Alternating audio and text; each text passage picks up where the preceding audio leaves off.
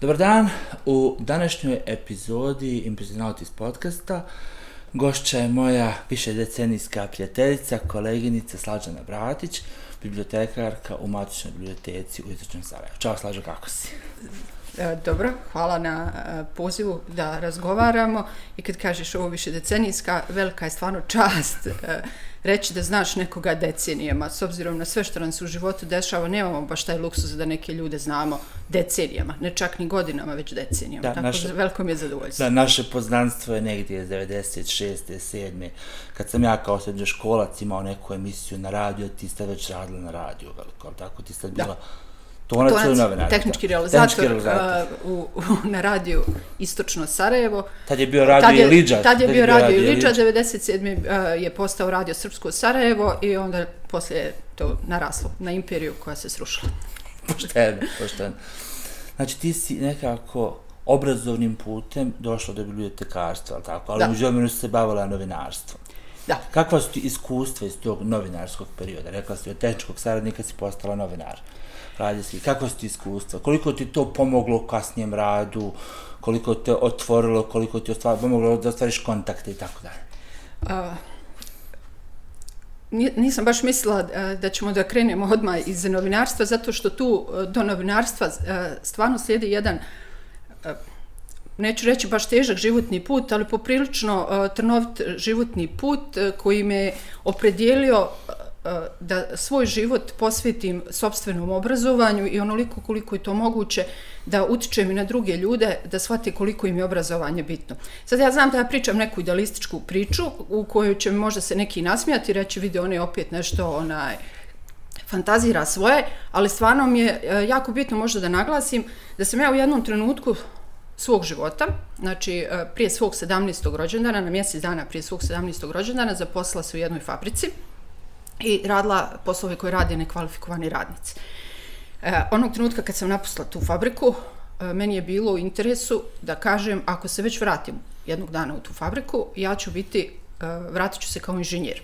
Međutim, život, sklop je bio takav i put svega onoga što se dešavalo e, i za vrijeme rata i nakon rata, E, E, da jednostavno e, iskoristila sam priliku kad je radio Istočno Sarajevo, odnosno radio Liđaka je raspisala konkurs za prijem radnika e, za spikera, da se prijavim na taj konkurs, međutim nisam prošla jer sam zvučala kao dijete i to dijete koje pravo brzo čita i niko živi ne razumije ništa. Tako, ali oni me nisu htjeli da vrate kući i da kažu nećeš ti sad radiš, s obzirom da je već bila fluktuacija kadrova zbog Dejtonskog sporazuma i selitbe jel, sa Eliđe ovamo u, u Lukavicu i trebao im je bilo ko ko hoće da radi bilo šta.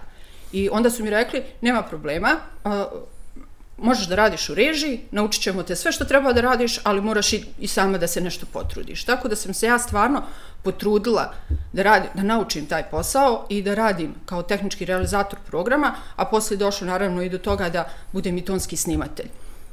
U međuvremenu e, otvoren je studij za opštu književnost i bibliotekarstvo. E, ja sam se prijavila na taj ko, odnosno da polagala sam prijemni ispit u drugom ispitnom roku, ne u prvom, jer sam se premišljala da li da nastavim studij mašinstva ili da nastavim da li da nešto drugo radim, pa sam se ipak odlučila da, s obzirom da moram da radim, jer nemam od čega da živim, jel, to je ipak egzistencija je u pitanju, hranim majku, hranim sestru i tako, ono, mislim, imamo jel, neku našu porodicu koja živi od penzije, Znači, ta mi je plata zaista bila neophodna, tako da sam morala zadržati taj posao i onda je bilo nekako, iskreno da kažem, logičnije da studiram književnost, računajući da ću tu bolje moći da se posvetim nego mašinstvo. Jer mašinstvo je zaista zahtjevno i teško ga je studirati uz rad. Možda neko može, ali ja u tom trenutku da, nisam puno se... praktičnog djelovanja. Da, da. Puno... Stvarno se nisam osjetila sposobno da, da, da nastavim da studiram mašinstvo, iako sam već bila na drugoj godini. Tako da sam ja upisala opštu književnost i bibliotekarstvo i u, u, ispala, uh, bila sam prva na tom drugom ispitnom roku i uh, došla sam na ovaj e, na budžetsko finansiranje, znači nisam morala čak da plaćam vanredni studij, što je zaista bilo veliki uspjeh za mene. I tako da sam se uh, paralelno uh, i obrazovala, odnosno školovala na opštoj književnosti i bibliotekarstvu, a i zadržala sam svoj posao, odnosno taj posao koji sam radila na radiju nekako je bilo prirodno, dakle, kad završim taj studij bibliotekarstva, odnosno opšte književnosti. Zašto sad to moram da naglasim? Zato što kad završite taj studij, dobijete diplomu diplomiranog komparativiste i bibliotekara. Diplomirani komparativista, odnosno taj dio studija vas e, praktično e, sa svime što je u okviru studija preporučuje za novinara u kulturno-obrazovnoj redakciji. Tako da svi skoro komparativisti prije rata su se zapošljavali u omladinskom programu Radio Sarajeva i uopšte znači dramskom programu Radio Sarajeva i sve ono što je bilo zadu, e, što je bilo znači e, kulturno-obrazovni program. Tako da sam se i ja našla upravo u tome da mogu da radim kao novinar u kulturno-obrazovnom programu Radija i Liđe, odnosno tada je već bio znači Radio Istočno Sarajevo.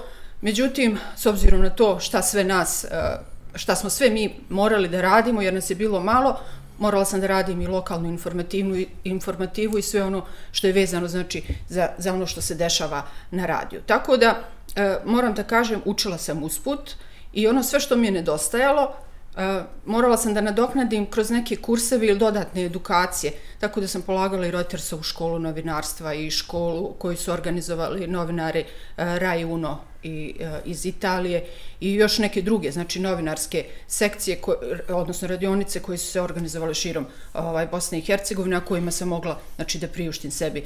I mogu da kažem zaista da evo, potrudila sam se i sve vrijeme mislim da je nekako e, cijeli taj moj put, u stvari put kroz obrazovanje do nekih mojih ličnih uh, uslova za bolji život, pa onda nadam se i onda svih ostalih. E, mislim, baš sam bila sad preopširna, ali... Nisi bila preopširna, ali... dala si jako lijepu sliku, neke detalje koje uopšte nisam znao, koji su sigurno zanimljivi i daju potpuni prikaz svega ostalog.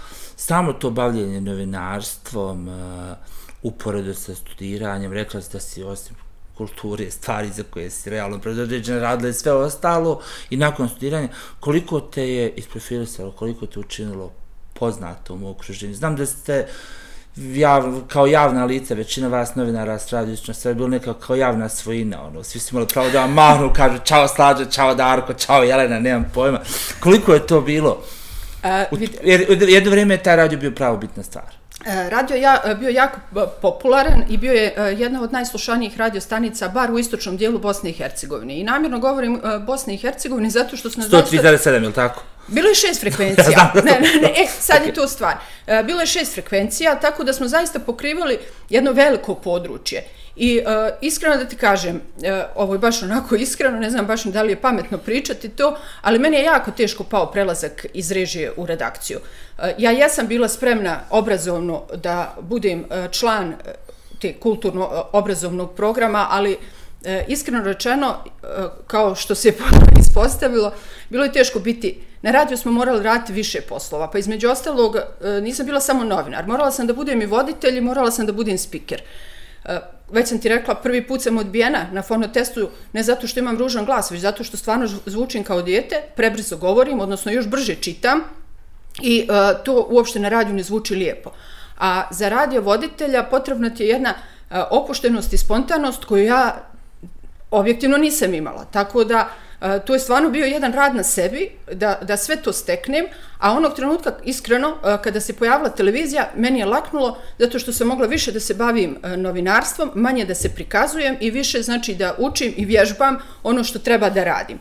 A šta je još bilo bitno, e, ja sam stvarno, e, nisam mogla da steknem tu spontanost koju su imali Darko ili Kedi ili Slaviša ili Jelena, Tako da ona, oni su oni koji su bili mnogo popularni. Ali mi je recimo bilo simpatično ako me ipak neko prepozna po glasu, Mada su ljudi počeli u stvari e, više da me prepoznaju onog trenutka kada sam počela na televiziji da snimam, ne zato što se pojavljujem, već zato što sam bila aktivnija na terenu. Uh, E, ja sam, e, kada je počela da radi televizija Istočno Sarajevo, mnogo više se aktivirala zato što mi je televizija omogućavala da radim na formatima koji su mi mnogo bliži, a to su e, televizijske reportaže i generalno znači prilozi sa terena koji podrazumijevaju interakciju s ljudima, koji podrazumijevaju, ne znam, pisanje o nekim lokalnim temama za koje ljudi misle da su njima bitne i da o, o njima treba da se uh, priča na radio televiziji Istočno Sarajevo. Tako da više su me zbog toga poznavali, ne zato što sam se ja slikala na televiziji, već zato što sam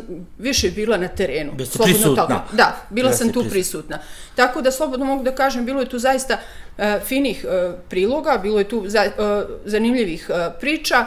E, na neke sam vrlo ponosna, e, mislim mogu i da ih kažem, e, zahvaljujući dobroj saradnje sa našim kolegama u tehnici, to je njihova bila ideja, Oni su uh, zamislili da mi ovdje u Istočnom Sarajevu, da na televiziji Istočnom Sarajevu snimimo uh, jed, uh, set reportaža o kulturno-istorijskim i prirodnim uh, ljepotama Istočnog Sarajeva, Sarajevo, Sarajevsko-romanijske regije, tako da smo se organizovali i uh, poz, oni su pitali da li ja želim to da radim, ja sam prihvatila da pravim te reportaže i ta, tako je nastala emisija Tragovi, pa smo snimili, ne znam, priču o uh, crkvi Brnari na Trbeviću, snimili smo priču o pećini na Mokrenskoj miljaci, onda e, snimili smo priču o e, jezeru e, iznad uloga.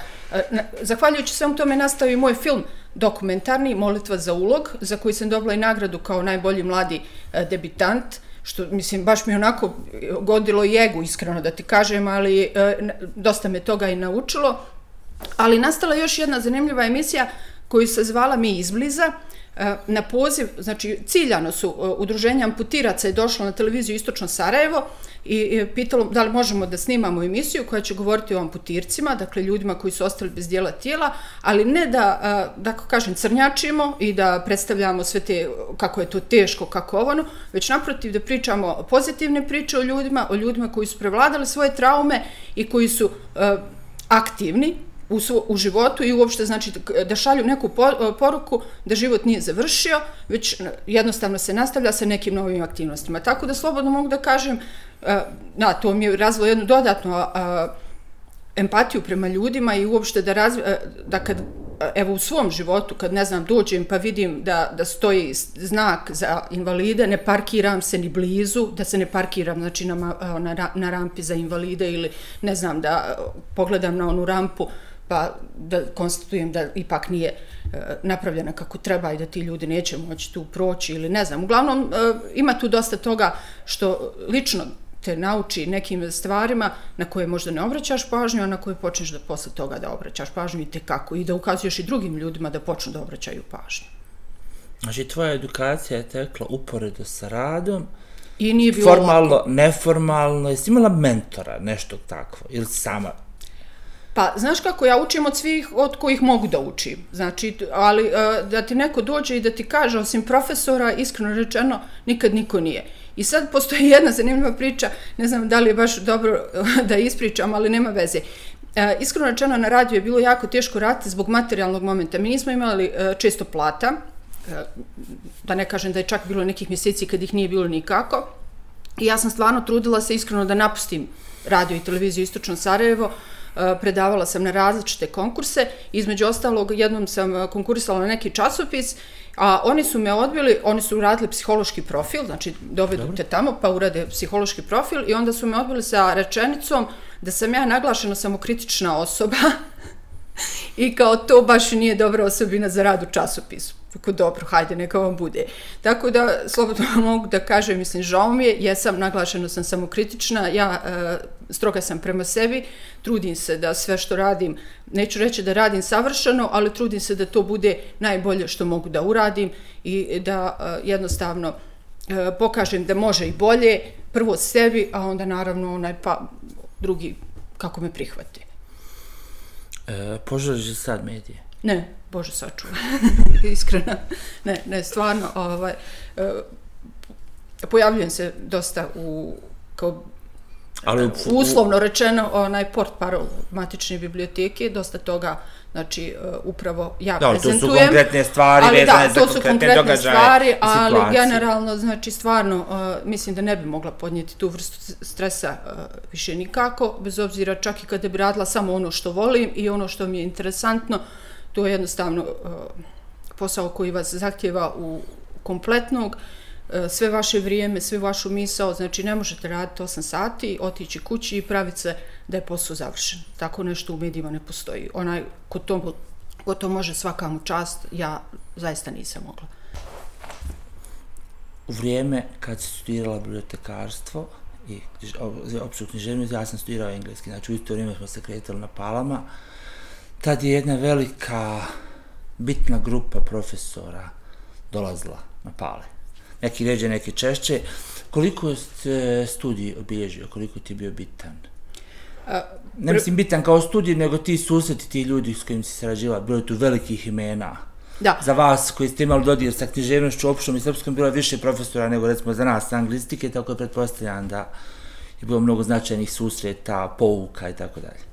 Da, zaista nam je bilo, uh, uh, slobodno mogu da kažem, bilo je veliko zadovoljstvo studirati, uh, mada jesu ti susreti bili, da tako kažemo, povremeni, blokovi su se održavali po tri dana mjesečno, a onda su posle e, posao preuzimali asistenti, tako da, e, ali je velika ipak bila e, čast sresti jednog Slavka Leovca, mislim da smo mi bili posljednja generacija koju je Slavko Leovac predavao i ipak je Slavko Leovac jedno veliko ime helenistike i uopšte znači e, književnosti na području Bosne i Hercegovine. Ne znam, drugi profesor je bio i Novca Petković koji nam je predavao publicističku stilistiku. Jeste ga na magistarsku upoznao, recimo, na mene magistarskom državnom. A ja sam diplomirala kod njega i on je stvarno bio fantastičan e, zbog toga što nije dozvoljavao da nam prođu neke rupe koje smo možda vukli iz prethodnih godina ili čak i srednjoškolskog obrazovanja, već e, svaki put kada primijeti da nam nešto nedostaje, on se potrudi da, da, odra, da potrudi da odradi i po jedan znači blok predavanja na temu, ne znam, iz teorije informacija ili vraćanja na neke e, Fundamente, recimo. Da, teorije književnosti ili nešto slično, ako nam je onaj promaklo. Tako da je bio zaista jedan veliki čovjek. E, i, i veliki čovjek bio između ostalog. Pa ne znam, profesor Dušan Mihajlović, poznat kao Bate Duša, duša srpskog teatra i uopšte znači e, neke e, pozorišnog života e, u Srbiji i, i on, je, on nam isto držao dvije godine istoriju svjetske drame i mogu da kažem zaista da su nam ti profesori otvarali prozor u svijet. Mislim, to su poratne godine, ne znamo mi ništa. Nema to, tad nije bilo interneta ko što je danas uh, internet pa da ti možeš nešto da uh, saznaš. A drugo, poprilično rutaš. Opet ti kažem, imamo neke rupe iz te neke srednje škole, dosta toga mi ne znamo. Ali opet ipak kažem da je bilo dobro zbog toga što su zaista se trudili, imali su razumijevanja za to, nisu nam popuštali, znači da se razumijemo, nama niko ništa nije popuštao, ali nas jesu, znači, i tekako uh, tjerali da učimo i ukazivali su nam uh, šta je bitno, e, što moramo da savladamo kako bi jednostavno postali e, što bolji u svom naravno poslu, da postanemo dobri akademski građani i da uopšte, znači, možda neki budući vaspitači, e, sami, znači, budući profesori, nadamo se, ili već e, ko se za šta odlučio tokom studiranja, odnosno nakon studiranja. Da, u to vrijeme ono, nastava je bila kako ti dođe. Neko dođe jednom u tri mjeseca, neko dođe tri puta mjesečno, ne bili su blokovi i to te praznine koje ti pominješ su bile uvijek prisutne, mislim, na svim smjerovima. Da. Mi nismo imali sistematsko znanje, mi smo prvogeneracijski bili šaroliki, kogod je posle rata mogao da se uhvati fakulteta, uhvatio se fakulteta, kogod je želio da radi na sebi nakon toga. I baš taj, bitan je uvijek bio taj pristup, ljudi koji su bili spremni da izvan onoga što treba da predaju, ispričaju i nešto što osjete da ne poznajete. Da, e, recimo profesor Miro, Miro Ljubjoković je bio jedan baš onako nepopustljiv e, profesor, redovno nas je znači e, obarao, e, nije nam dozvolio da prođemo bilo šta, ali isto tako profesora pamtim kao nekoga koje nas je stvarno odveo u kafanu i razgovarao s nama i koji je pričao, ne znam, i svoje dogodovštine e, i života, ali generalno nekako se trudio da nam ukaže na sve ono što je bitno, što trebao da znamo, da nam preporuči pise koje ćemo da čitamo, da nam na kraju krajeva donese knjige koje nam trebaju, jer pričamo o nekom ipak poratnom vremenu, čak e, tada i nema mnogo ni knjiga, Tako da... Današnja knjiga je bilo suštinska stvar. Dođe neko od profesora, stavi neke tri kopije, mi skočimo ko kurjaci na to, kopiramo to u roku dva dana i vratimo. To je bilo sastavljeno dio studiranja. Da, upravo to. I tako da kažem, oni su se ipak trudili. Nije to baš sad da su... Uh, ne, da nisu vodili računa o nama. Oni su se trudili, izuzetno su se trudili. Da, da, i... A nisu puštali. A, a nisu nam popuštali. Nisu puštali, a nisu nam popuštali. To je, to je, mislim... Bili su ključe riječ tu, honorar, moramo očuvati univerzitet, sve, ali nisu nam popuštali. Da, to je, to je mislim, jedna od bitnih stvari koja nas uh, i određuje kao ljude i kao buduće ili vaspitače, ili nije ipak mislim, ipak kao ljude, i e, buduće profesionalce u, u poslu kojim ćemo da se bavimo. E, koliko ćemo odgovorno pristupiti poslu koji radimo i da li ćemo baš e, pustiti da to tek tako prođe, ma nema veze nekaga, znači ne može tako, ima da se onaj e, e uči i ima da savladate ono što je pred vama. Možda bi bilo zgodno ako bih rekla e, da je to važno i za vrijeme rata dok sam studirala mašinstvo. Recimo, profesori matematike, E, matematika je uslužni predmet na mašinstvu. Ako nisi savladao matematiku, znači e, teško da ćeš savladati bilo koji drugi predmet. Jeste, znači, tehničkom fakultetu. Da. E, međutim, ovaj, naši profesori su nas, iako je bio rat, obarali na matematici. Znači, bilo je ljudi koji su po 5-6 puta polagali matematiku, profesor ti da 5 plus i ti mu odeš i kažeš pa dobro, zašto ne može 6 minus, rat je, a on kaže ti nauči za 6 minus, rat će proći, jel ti misliš da treba da budem odgovoran da ti napraviš neku havariju kad sutra posle rata se zaposliš kao inženjer u nekoj fabrici. E, tako da je to ono što te u stvari e, profiliše e, i u principu i da naučiš ono što ne znaš, naučit ćeš, ali moraš imati neki temelj. Znači, stvarno se temelji moraju postaviti za bilo kakvo obrazovanje. Drago mi je što su nam predavali profesori koji su predavali i što su bili neumoljivi u no. postavljanju takvih temelja. Jesi li ti imala pedagoška iskustva? Da, ja sam radila na radiju uh, Istočno Sarajevo. Uh, kad sam prešla da radim kao novinar, uh, dobila sam svoje zaduženje u smislu djece koji rade dječje emisije. I radili smo znači dječju emisiju, a nešto kasnije sam čak i bila volonter ovdje u Matičnoj biblioteci Istočno Sarajevo i vodila sam jednu novinarsku sekciju. Tako da uh, i njih sam učila svemu onome što sam ja znala kao novinar. Uh, ali isto tako nisam bila popustljiva. Moram da priznam, ja nikad nijedno dijete koje je došlo na audiciju na radio Istočno Sarajevo nisam vratila kući. Nisam nikada nikome rekla nećeš rat na radiju zato što to ne znaš. Uradila sam ono što su i meni uradili, nema problema, ostani, što ne znaš naučit ćeš. E, mnogi nisu znali da čitaju, znači možemo mi da mislimo e, šta god hoćemo, ali e, neka djeca stvarno dođu do četvrtog, petog razreda, a da ne čitaju baš onako kako treba, da sriču ili šta li već rade.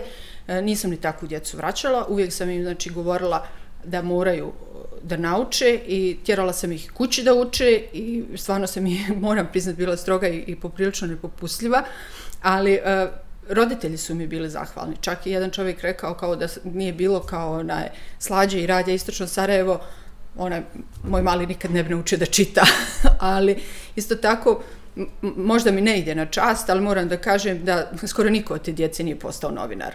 Svi su oni e, odrasli ljudi i bave se profesijama koje se bave, poprilično su uspješni, neki su čak i u inostranstvu, pratim malo njih i preko društvenih mreža, e, Eh, ali mislim da su stvarno postali eh, odgovorni ljudi. Ako, ako ima mogu udjela u tome, bit će mi drago, a ako ne, nikom ništa u svakom slučaju. Znači, drago mi je zbog njih što su uh, veliki i što su uspješni i što su dobri. Šta u današnje vrijeme sve podrazumijeva posao jednog bibliotekara? Kako individualno u okviru biblioteke, tako u okviru sistema biblioteka koji funkcioniše na entitetskoj, državnoj, međudržavnoj, A... kontinentalnoj i tako dalje razini. Pa ovako, prije nego što konkretno odgovorim na pitanje, e, rekla bih, možda nije baš e, popularno ni lijepo, ali moram da kažem da iz nekog e, razloga ljudi ovo ne doživljavaju baš kao najozbiljniju profesiju, recimo konkretno kada sam prešla da sa televizije radim u biblioteci, mnogi su smatrali da sam narodski, da se izrazim, e, spala s koljena magarca, da ne govorim o tome da su me mnogi pitali, pa dobro, za, za posao u biblioteci treba e, završen fakultet i znači tako neke slične, one, baš ponižavajuće stvari. Tako da uvijek sam svima isto odgovarala, znači da, za biblioteku treba imati završen fakultet. Za bibliotekara treba biti ozbiljno i dobro obrazovan. Onaj ko nije obrazovan, teško da, da se može snaći u biblioteci, eh, počevši od najprostih poslova koji podrazumijevaju znači, slaganje knjiga na policu ili smještanje eh, knjiga na police, do onih nešto kompleksnih koji podrazumijevaju znači, naučno-istraživački rad.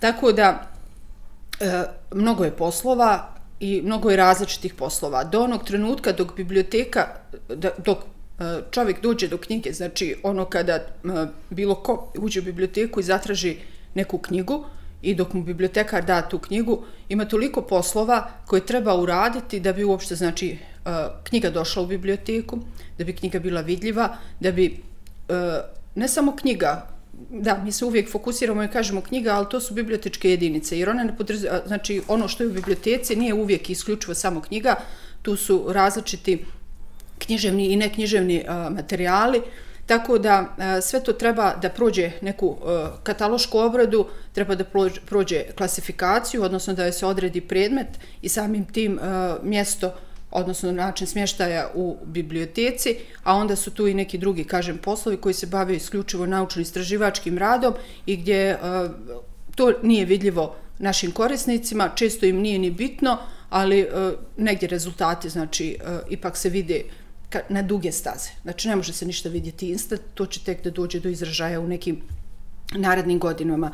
Kao primjer mogu da navedim moje kolegnice Ivanu Kuljanin i e, Marijanu Petronić.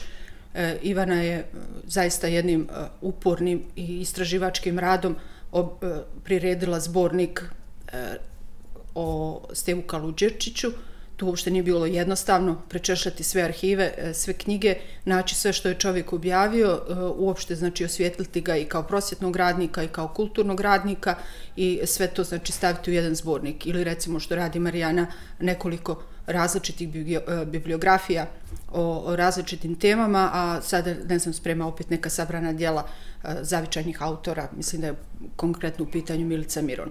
Znači, taj rad se ne vidi, ali traje dugo, i uh, on je samo u svoj, u svojoj zadnjoj fazi vidljiv našim korisnicima i uopšte često ni oni nisu zainteresovani za to, već isključivo neka uh, stručna javnost. Jedna zanimljiva stvar za koju nisam znao, znao sam da imate biblioteku sa audio knjigama za slijepa i slabovidne lica, ali nisam znao da ih snimate dok mi ti to nisi rekli. Kako je došlo do toga?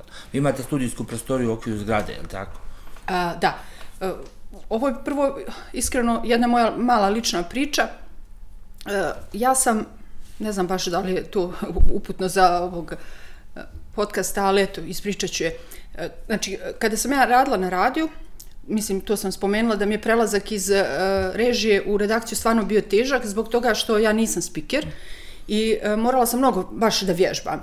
I onda mi je lektor rekla da, lektorka, rekla da Eh, jedini način da ja ispravim te neke svoje greške jeste da se snimam, eh, da glasno čitam i da se snimam. Iskreno da budem, ja toliko baš eh, vrijedna nisam i nisam imala vremena.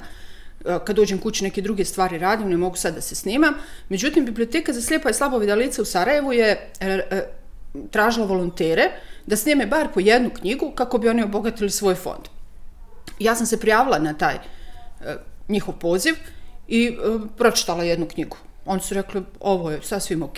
Kada sam pročitala jednu, da sam pitala mogu li da pročitam još jednu, oni su rekli, pa ako želiš, čitaj. Tako da sam ja se uh, volontirala u biblioteci za slijepa i slabovida lica i snimala sam uh, nekih dvadeseta knjiga za sedam godina, onoliko koliko mi je moje vrijeme dozvoljavalo nekako se baš potre, e, kako kažem, poklopilo da je ovdje, kada sam ja prestala da volontiram u biblioteci za slijepa i slabovida lica u Sarajevu, da se ovdje otvorilo odjeljenje za slijepa i slabovida lica. I tadašnja direktorica je e, pitala imam li ja knjige koji mogu pomoći da se obogati ovaj fond i pitala je da li mi na radiju možemo da omogućimo da se ponekad snimi neka knjiga, to će da radi glumac amatir i eto, ako se pojavi još neki uh, volontir. Pa sam opet ja pristala da ja to radim u, neku, u okviru nekog svog slobodnog vremena na radiju Istočno Sarajevo i Ilija Mimić je snimio nekoliko knjiga. Tako da smo snimili dvije, tri knjige ili četiri, ne mogu sad da se sjetim. Međutim, naravno, kako je radio o, otišao u stečaj i prestao se radom, to je naravno stopirano. Ali umeđu vremenu sam ja počela da radim ovdje u biblioteci i onda smo se stvorili uslovi da mi sta, možemo da imamo stalno nekoga ko će tu da radi, ko će tu da snima, pod uslovom znači da nađemo volontere koji budu željeli da čitaju knjige, a ja onoliko koliko mi budu uslovi u biblioteci dozvolili da a, tako nešto radim. Tako da treći smo studio u Bosni i Hercegovini koji snima audio knjige. Znači prvi, e, to su naravno biblioteka za slijepa i slabovida lica u Sarajevu, biblioteka za slijepa i slabovida lica u Banja Luci i mi ovdje u Matičnoj biblioteci Istočno Sarajevo. E, snimamo knjige, znači snimaju volonteri, ja radim postprodukciju, a ostalo e, što se tiče tehnike, odnosno drugo slušanje, pošto je to jako bitno da naglasim, svaka knjiga kad se snimi mora da Eh, ima dva slušanja, znači prvo slušanje radim ja, drugo radi koleginica Vesna Lalović koja je inače slijepa i koja radi u udjeljenju za slijepa i slabovida lica i ostale tehničke stvari, znači radi naš kolega Zoran Tanić. E, jako mi je drago što eh, imamo svoju produkciju zbog toga što ona jeste skromna, ali radimo razmjenu sa sličnim bibliotekama u Srbiji, tako da kada snimimo 10 knjiga godišnje, kad razmijenimo te knjige, onda se fondu veća za novih 220 knjiga, zavisi sa koliko biblioteka smo razmijenili. I jedna se baš super stvar desila, e, to je da smo e, prošle godine postali dio globalnog servisa knjiga i jedina smo biblioteka, odnosno jedina smo organizacija iz Bosne i Hercegovine koja je član globalnog servisa knjiga. Znači, e, članovi tog globalnog servisa su sve biblioteke koje pružaju, odnosno biblioteke i organizacije koje pružaju usluge za slijepa i slabovida lica Eh, bilo gdje. Ogroman je fond, oko 80.000 knjiga u različitim formatima na 80 jezika, tako da velika je znači stvar biti uh, dio jednog takvog. S obzirom da smo ipak mala biblioteka i uh, nismo primarno biblioteka za slijepa i slabovida lica, ali oni su nas pozvali i mi smo se priključili toj organizaciji. Tako da zaista možemo da kažemo da radimo neke baš onako kvalitetne stvari. Recimo, na osnovu kog kriterijuma se odabere koja knjiga će biti snimana? Je to na osnovu potražnje neke iz da, biblioteke uh, ili preferencija onog koji čita? Kako se odabere? Uh, biblioteka uh, uvijek mora da vodi računa da zadovolji svoje korisnike. Znam da nekada uh, oni traže neke stvari koje mi najradije ne bismo snimili, ali uh, znači ako uh, jednostavno znači, stavimo na spisak ono što oni traže i onda od toga izaberemo ono što mi mislimo da je najkvalitetnije i da zaslužuje. Ipak, bez obzira, na, e, znate, ne možete baš podilaziti u svakom pogledu o, o svojim korisnicima. To jeste dobro, to jeste o redu, da bismo zadržali znači, korisnike u biblioteci, treba im znači izaći u susret, omogućiti im ono što žele da čitaju. Na kraju krajeva jedan od postulata bibliotekarstva jeste svakom čitaocu njegova knjiga, ali e, s obzirom da je vrijeme ograničeno i s obzirom da su naši uslovi za snimanje ograničeni i samim tim ne možemo da snimimo mnogo knjiga, moramo ipak da se potrudimo da to bude ono što je kvalitetno i ono što, što će trajno ostati u biblioteci. Znači, zašto znamo da će se možda čitati godinama, Tako da ne podilazimo baš uh, potpunosti, ali uh, trudimo se znači da zadovoljimo želje ljudi koji čitaju knjige u biblioteci. Isto to važi i za odabir knjiga koje se nalazi u biblioteci kada kupujemo, odnosno kada uh, radimo zanavljanje fonda, odnosno kada obnavljamo fond. Uh, u kolikoj mjeri subjektivno smatraš da biblioteka učestvuje u kreiranju čitalačkog ukusa publike? Koliko ljudi pročita neku, da je došla neka nova knjiga ili preporuku za neku novu knjigu na društvenim mrežama, biblioteke, a koliko dođe tako što je čuo nešto sa strane, imaš li uvid u to? Uh, vidi, uh, čak ja mislim negdje oko 60% ljudi koji ulazi u biblioteku oslanjaju se isključivo na preporuku bibliotekara, nemaju pojma šta hoće da čitaju. Znači, to je moje iskustvo iz biblioteke za ovih 8 godina. Uh, Uh, jednostavno, uh, možda nekih, kažem ti, svega 40% da dođe sa, uh, sa jasnim znanjem ja hoću tu i tu knjigu, ja hoću to i to. Naravno, na stručnom odjeljenju je druga priča, tamo svi znaju šta hoće, samo im bibliotekar uh, pomaže u pronalasku onog uh, što im treba. Međutim, na odjeljenju beletristike, kada se či, uh, biraju knjige znači, koje će se čitati, većina ljudi uh, zaista ne zna šta želi da čita. Uh, tako da sve je na preporuci bibliotekara. Ali šta je sad specifično? E, ja kao bibliotekar mogu da e, volim nešto ili ne volim nešto. Mogu da smatram da je nešto kvalitetno i uopšte, znači i književni kritičari mogu da smatraju da je nešto kvalitetno, ali nije to baš, e, nuž, e, nije znači baš sigurno da će svi pročitati to. preporučit ću ja ljudima tu knjigu. Ali je isto tako činjenica da od njihovog obrazovanja, od njihove spremnosti za tu, da prihvate tu preporuku i uopšte generalnog nekog čitalačkog ukusa zavisi da li će oni tu knjigu uh, pročitati do kraja ili da li će im uh, pasati i da li će oni uh, nastaviti da idu u tom pravcu. Znači, kada ste bibliotekar, morate da ipak uh, razmislite uh, kad pogledate čovjeka, da li on spreman da prihvati vašu preporuku. Prihvatit će, mislim, preporuku, ali e, da li će kad se vrati, vratiti tu knjigu i reći jao šta si mi ovo dao, Bože ti mene sačuvaj, ili će reći, e, svaka čas, ovo je stvarno bilo super. Znači, e, ipak tu moraš malo više voditi računa o tome e, kakav je e, profil čitaoca koji dolazi u biblioteku. E, bilo je takvih slučajeva gdje ljudi kaže, preporučite mi nešto, neku avanturu ili nešto slično, e, vi mu preporučite Grof Monte Cristo, recimo, I žena se vrati i kaže, ma kakve si mi ovo gluposti dala, ja ovo uopšte ne mogu da čitam, ovo je strašno. I onda kaže, ja ću sama tražiti i ne znam, ona ode sa Danielom Stil iz biblioteke. I onda ti shvatiš da tu stvarno postoji ljudi e, koji bez obzira što traže preko proruku bibliotekara nisu spremni za neke, da tako kažemo, kvalitetne iz, stvari. Znači čitalačke zone komfora, recimo da, tako. Da, upravo tako. Tako da e, tu treba stvarno biti malo i oprezan i, i poznavati uopšte znači i profil ljudi e, koji dolazi u biblioteku, njihove čitalačke navike, uvijek, e, bar tako većina bibliotekara radi, kada kažu dajte mi nešto, preporučite mi nešto, da ipak provjeriš šta je prije toga čitao i da nekako ocjeniš da li je spreman za neke nove stvari, za neke nove preporuke, za neke nove pisce, za neke nove žanrove ili nešto slično. E, kad nabavljaš, odnosno nabavljate kao institucija knjige za biblioteku, kojim kriterijumima se vodite? Ili imaju neke liste na nekom da. regionalnom nivou na osnovu kojih nabavljate a, svi knjige? Mi moramo da pratimo izdavačku produkciju. E, samo s tim da a, moramo da izađemo iz okvira države Bosne i Hercegovine, jer objektivno ovdje je izdavačka produkcija neću reći slaba, ali nije baš ni uh, zadovoljavajuća pogotovo... Nije adekvatno, ne pokriva adekvatno da, potrebe. ne pokriva dosta toga.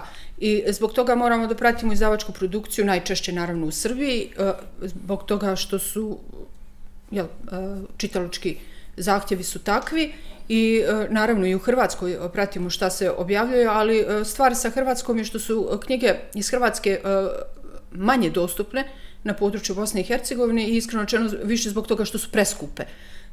Tako da je to jako teško platiti za jednu knjigu koju kupite, e, e, za jednu knjigu iz Hrvatske, e, možete da kupite tri knjige koje su objavljene u Srbiji. Jer cijena koja je u Srbiji isto važi i u Bosni i Hercegovini. Znači, Srbija je zadržala -huh. kada se uvoze te knjige, znači ista cijena je, znači ništa ta knjiga nije skuplja u Bosni i Hercegovini nego što je u Srbiji. Jednostavno, to, to dobavljači tako rade. Što se tiče lista, E, kao što sam već rekla, e, isto što važi i za audio knjige kad ih snimamo, isto to važi i za e, liste knjiga koje se nabavljaju u biblioteku. Biblioteka stvarno ima ograničena sredstva za kupovinu knjiga. Ali na kraju krajeva čak i da imamo neograničena sredstva, mi nikad ne možete kupiti sve ono što je objavljeno ili sve ono što, što bi trebalo da se kupi. Tako da se stvarno prave liste e, nekih deziderata koje ljudi, e, dakle šta ljudi žele da čitaju, šta traže i onda e, kada sve stavimo znači na jedan spisak šta to treba, e, vidimo da ipak ono što je ma mogu slobodno da kažem, neka niže razredna literatura i čemu nije mjesto u biblioteci, e, trudimo se da to zaobiđemo, odnosno da bar mi ne damo pare za to, pa ako neko pokloni, možda se nađe znači, e, prostora na policama i za tu vrstu knjige, ali mi ne dajemo pare za to, šteta stvarno bilo platiti tako nešto, tako da uvijek su znači, u prvom planu e, e želje korisnika. S tim da naravno ima onih, e, recimo, koji traže e, uglavnom krimiće, ne znam, ljubavne drame ili nešto slično, ali ima i ozbiljnih korisnika koji traže neku ozbiljnu literaturu i ozbiljnu književnost. Naravno da postoje knjige e, za koje mi kao bibliotekari i uopšte znači e, ljudi koji rade u biblioteci e, smatramo da treba da budu u biblioteci upravo zbog ovoga da bismo mi kreirali čitalački ukus, da bismo mi skrenuli pažnju na takve stvari zbog toga što će možda zbog e, neadekvatnog marketinga ostati nezapažene I zbog toga što možda smatramo da možda trenutno u ovom trenutku, znači nije mjest, vrijeme za te knjige, ali će u nekoj budućnosti one biti dio uh, onoga što će se čitati, odnosno bit će mnogo uh, aktivnije uh, korištene u biblioteci. Tako da to jeste malo kompleksan posao, nije baš uh, tako jednostavno odlučiti šta kupiti, šta ne kupiti, ali Može. kao, može, Da, može. znači moramo, mo, mora da se radi. To sve što si rekla upućuje na to da moraš biti istovremeno objektivna, a istovremeno Subjektivno. subjektivna. Kontradiktorno da, je, kontradiktorno, ali realno mora biti tako. Da. U radu sa. E, koliko, sad ono, age, prosječni korisnici, u kom uzrastu ljudi najviše posjećaju biblioteku? Mislim, ja sam krtica, ja knjige kupujem, ja u biblioteku mogu doći samo da tražim nešto što ne mogu da kupim. Ali to je pogrešan pristup, ne pogrešan u smislu divno imati svoju biblioteku, ali u smislu popunjavanja stambenog prostora vrlo često je fatalan. Uh, pričam. Tako da- Pa ne, ja isto sve uh, knjige koji su mi višak iskreno da budem poklanjam biblioteci. Ne nužno ovoj, već jednostavno jasno. organizujemo neke akcije, pa kad god, je organiz, kad god organizujemo akciju prikupljanja knjiga za neku biblioteku, dio knjiga iz svoje kućne biblioteke pošaljem drugim bibliotekama. To je jednostavno mora Jasno, se. jasno, jasno. Koli, uzrast korisnika? A, Jesu pa to znaš- djeca, srednjoškolci, studenti ili stariji korisnici? Matična biblioteka ima svoje odjeljenje e, za djecu, dječje odjeljenje e, koji ima negdje oko 3000 korisnika. Nisu svi, da se mi razumijemo, nisu svi o, o, baš aktivni korisnici biblioteke. E, trudimo se da ih privolimo kroz različite radionice, da prođu kroz biblioteku, tako da nekada dnevno e, kroz, što kroz radionice, što kroz biblioteku prođe oko 50 do 60 djece. Tako da to je značajan, značajan broj djece i to je za dječje odjeljenje. Slobodno mogu da kažem da mi pokušavamo da stvaramo neke buduće generacije čitalaca i da su rezultati vidljivi. E, ta dječja biblioteka postoji 12 godina. Mislim, od uvijek je postojalo odjeljenje za djecu, ali od trenutka kada se izdvojilo posebno u Spasodanskoj ulici i od kako ciljano dje, e, pravimo programe za djecu i e, kako djeca znači, dolaze tu u biblioteku, rezultati su vidljivi. Znam da, da je teško, jer svi očekuju instant rezultate, toga nema, znači, ali neki na dugoročne staze su vidljivi. Djeca koja su prošla kroz tu dječju biblioteku sad već polako dolaze ovdje u biblioteku za odrasle, e, znaju pravila ponašanja, neki od njih već imaju izgrađene neke svoje čitalačke navike i čitalačke ukuse, ne mogu da kažem da ih ima mnogo, ali ih e, ima i e, drago mi je zbog toga jer pravimo i posebne programe za te, eh, recimo, srednjoškolce, trudimo se u saradnji sa školama, ove dvije srednje škole koje postoje ovdje, da im organizujemo dane otvorenih vrata, da ih provedemo kroz biblioteku, da im pokažemo naše fondove, da razgovaramo s njima eh, šta je to što ih interesuje. Tako da eh, fokusirani smo na to da moramo raditi na pravljenju ili izgrađivanju čitalaca i uopšte korisnika biblioteke. A sad što se tiče znači svih onih koji nisu u obrazovnom sistemu, e, penzioneri su najredovniji korisnici biblioteke, najuredniji i naj, e, da kažemo, najvjerniji. Oni čitaju najviše izgrađeni, knjiga. vjerovatno. I vjerova, da, izgrađeni i uh, oni čitaju najviše knjiga u prosjeku. Znači, jedan penzioner u prosjeku pročita oko 40 knjiga godišnje, znači s tim da ima onih koji čitaju 80 knjiga, ima onih koji čitaju 30, mada kada smo prošle godine, upravo, pošto imamo na kraju godine uh, nagrađujemo one naše najvjernije čitaoce, moram da kažem znači, da je penzioner koji je pročitao najmanje knjiga je 35. Znači, to je, To je to je stvarno... 10 dana knjiga. Da, tako da to, je, to su penzioneri. Mada sad već imamo, kako nam je radno vrijeme prilagođeno, pa radimo i do 7 sati e, i zaposleni ljudi sve češće dolaze Da, kad u završi biblioteku. radno vrijeme, da, pa- kada se dolazi, završi onaj radno vrijeme, dolaze u biblioteku. E, m- znam da e, teško je to povjerovati. E, Bosna i Hercegovina stvarno ima nizak, upis, e, nizak postotak upisanih u biblioteku neću reći nizak e, broj, e, mali broj čitalaca, zato što ne znamo ko sve čita knjige mimo biblioteke Jasno, i na koji način znači dolaze ljudi do knjiga, ali stvarno je nizak procenat upisanih u biblioteku, to je negdje oko 17%, posto, 17% stanovništva je učlanjeno u biblioteke, prosjeke. Znači neke imaju i manje, neke imaju možda malo više, ali to je znači taj prosjek. Tako da e, e, naš zadatak ili mi se nadamo znači da bi mi trebali da povećamo broj ljudi, ali e, to je dugotrajan, dugotrajan proces. Znači treba prilagoditi fondove. Treba infrastrukturu prilagoditi. Recimo konkretno sada evo matična biblioteka zaista radi e, najbolje što može, ali činjenica da se mi razvijamo i da nam treba e, što više prostora. Tako da imamo mali, znači sad problem, malo nam je tjesno, snalazimo se u onome e, što možemo, ali isto tako je činjenica da je broj e, upisanih u biblioteku e, danas, ovog trenutka, veći nego što je bio prije 10 godina. I to ne onako veći, već je ozbiljno veći, ako, ček, a, a, ako nije čak i za duplo. Mislim da je upisanih negdje oko 2000, dok je, ne znam, prije 10 godina to bilo možda negdje oko 1000-1100. Tako da, broj upisanih, kažem, ovaj se povećava iz godine u godinu, nekada za 10 ljudi, nekada za 100 ljudi, ali uh, se povećava. Sad kažem opet, ako mislimo da se taj broj značajnije poveća, treba uh, mnogo više raditi i ne samo na promociji čitanja, već uopšte generalno na promociji obrazovanja, ma kako to čudno zvučalo, i uh, naravno poboljšavanju uslova rada u, u, u biblioteke ti si i svojevrsni PR, odnosno glasnogovornik matične biblioteke i s tim u vezi veoma često si angažovan na različitim promocijama. Ovdje se imao čas da zajedno radimo Aha. dvije promocije. Zahvalna sam ti. Ne čemu i drugi put. Reci mi, koliko se pripremaš, ne pretpostavljam, nije moguće svaki put pročitati sve od nekog autora kojeg promovišeš. Pret... Jedna stvar je bitna i što pokušavam uopšte e, da e, sa generalno i sa svojim kolegama i e, rukovodstvom jel, e, biblioteke e, od, od dana kada sam počela da radim u biblioteci da naglasim koliko je bitno planiranje unaprijed. E, da ne radimo, znači ja jesam došla iz medija, gdje se dosta toga radi ad hoc, gdje se radi na brzinu, međutim u biblioteci je posao takav da vam dozvoljava da možete nešto da planirate unaprijed i to ne malo već da planirate po dva, tri mjeseca unaprijed. Mm -hmm. što, ti da, što nam svima daje prostora da se pripremimo za ono što radimo. Da. Tako da, E, ali i pored toga postoje naravno izazovi kao što je e, organizovanje sajma knjiga kad ima više promocija, više autora pogotovo autora koji su napisali mnogo knjiga i gdje objektivno ne možeš stići da pročitaš sve ono što ti treba.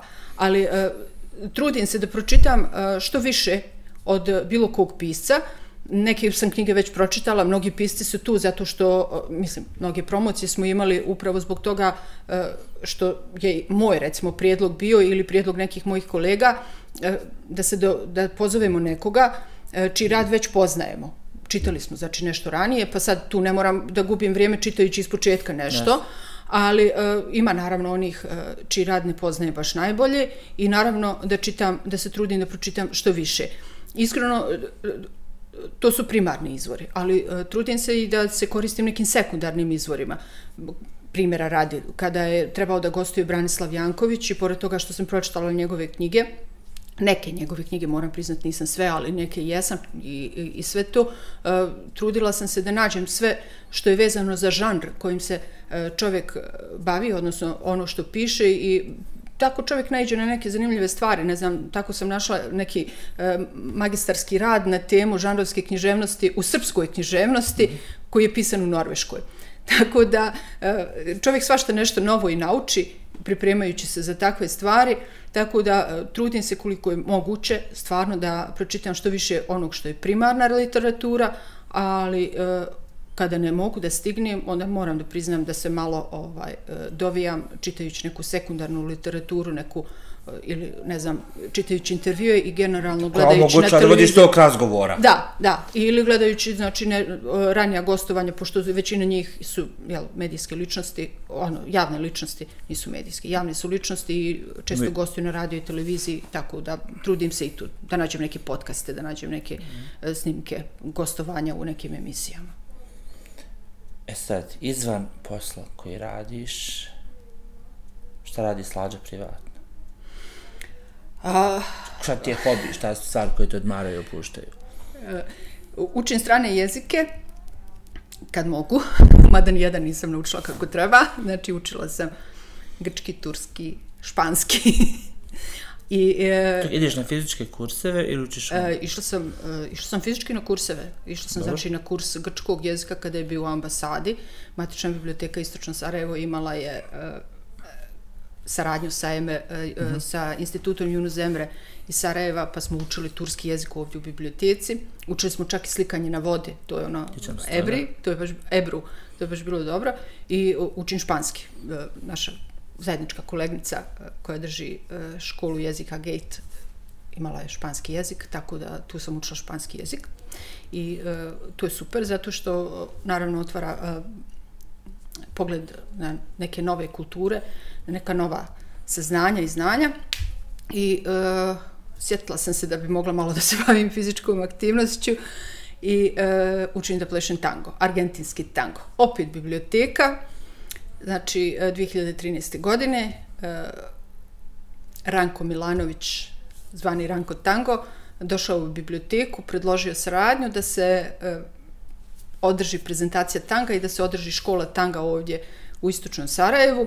Pozvali smo iz biblioteke na prezentaciju ne kao novinara, već kao fizičko lice, čisto da popunimo salu, da vidimo da li će biti nekih zainteresovanih ljudi i e, šta da ti kažem, što bi rekli, upecala sam se i kao i većina. Škola je trajala dvije godine, ali ja nisam bila stvarno član dvije godine. Bila sam e, šest mjeseci, morala sam napustiti zbog uh, silnih obaveza koje sam imala na poslu novinara, jel, na radio televiziji Istočnom Sarajevu i to je bilo stvarno nemoguće izdržati.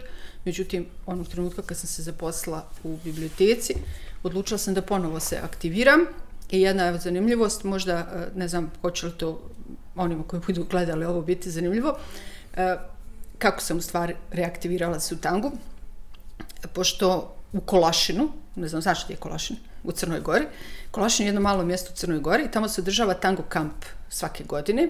Dobro, zbog covid i nekih drugih situacija bila neka mala pauzica, ali u svakom slučaju, znači u, u Kolašinu se održava jedan tango kamp i e, pošto objektivno nisam imala nekih mogućnosti da te godine odem na more ili uopšte da provedem mm. godišnji odmor bilo gdje drugo, uh, ja sam odlučila kao pa hajde idem taj kampo, tango kamp da vidim kako to izgleda.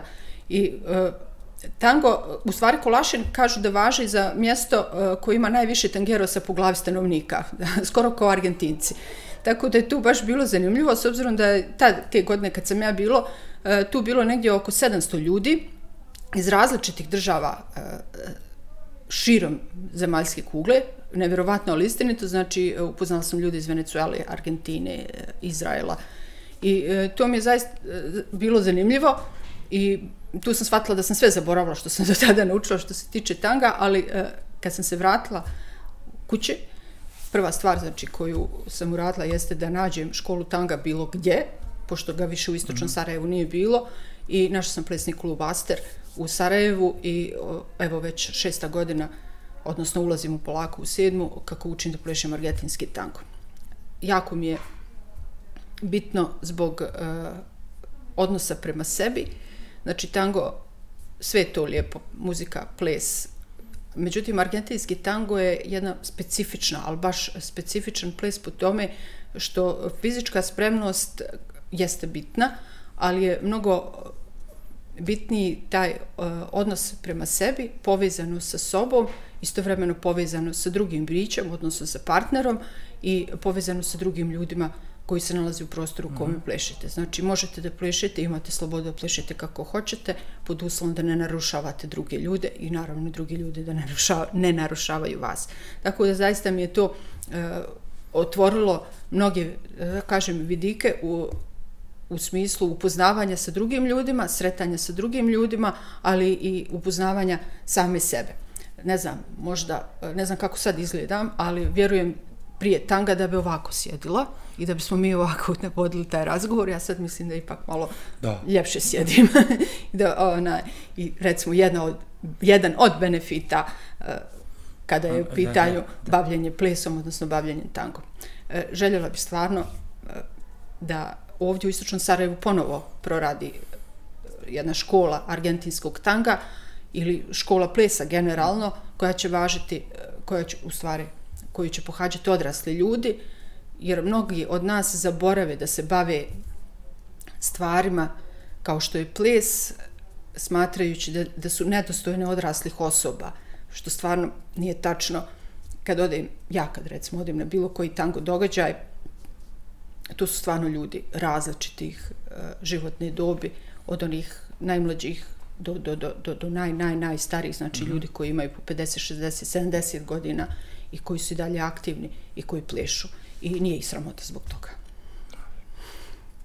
Klađo, hvala, bilo mi je zadovoljstvo, bilo mi je čast razgovarati. Hvala što si izdvojila vrijeme i nadam se da ćemo i dalje sarađivati kao što to činimo zadnjih 20 godina u raznim prilikama, situacijama i tako dalje. Hvala tebi. Uh, iskreno rečeno nije baš uh, bilo jednostavno pristati na ovaj razgovor, ali eto, uh, nadam se da ovaj podcast radiš zbog toga da bi svi mi koji evo ogolimo se na ovaj način uh, u ovom razgovoru uh, pokrenemo neku malu promjenu u nekome Također. tako da upravo ona to, upravo to. hvala ti eto, što si mi dao priliku da osvjetlim i sebe s neke druge strane i što a, a, da ćemo sarađivati sarađivat ćemo se jedino kad prestanemo da sarađujemo znači da nas više nema Hvala. eto hvala ti još jednom hvala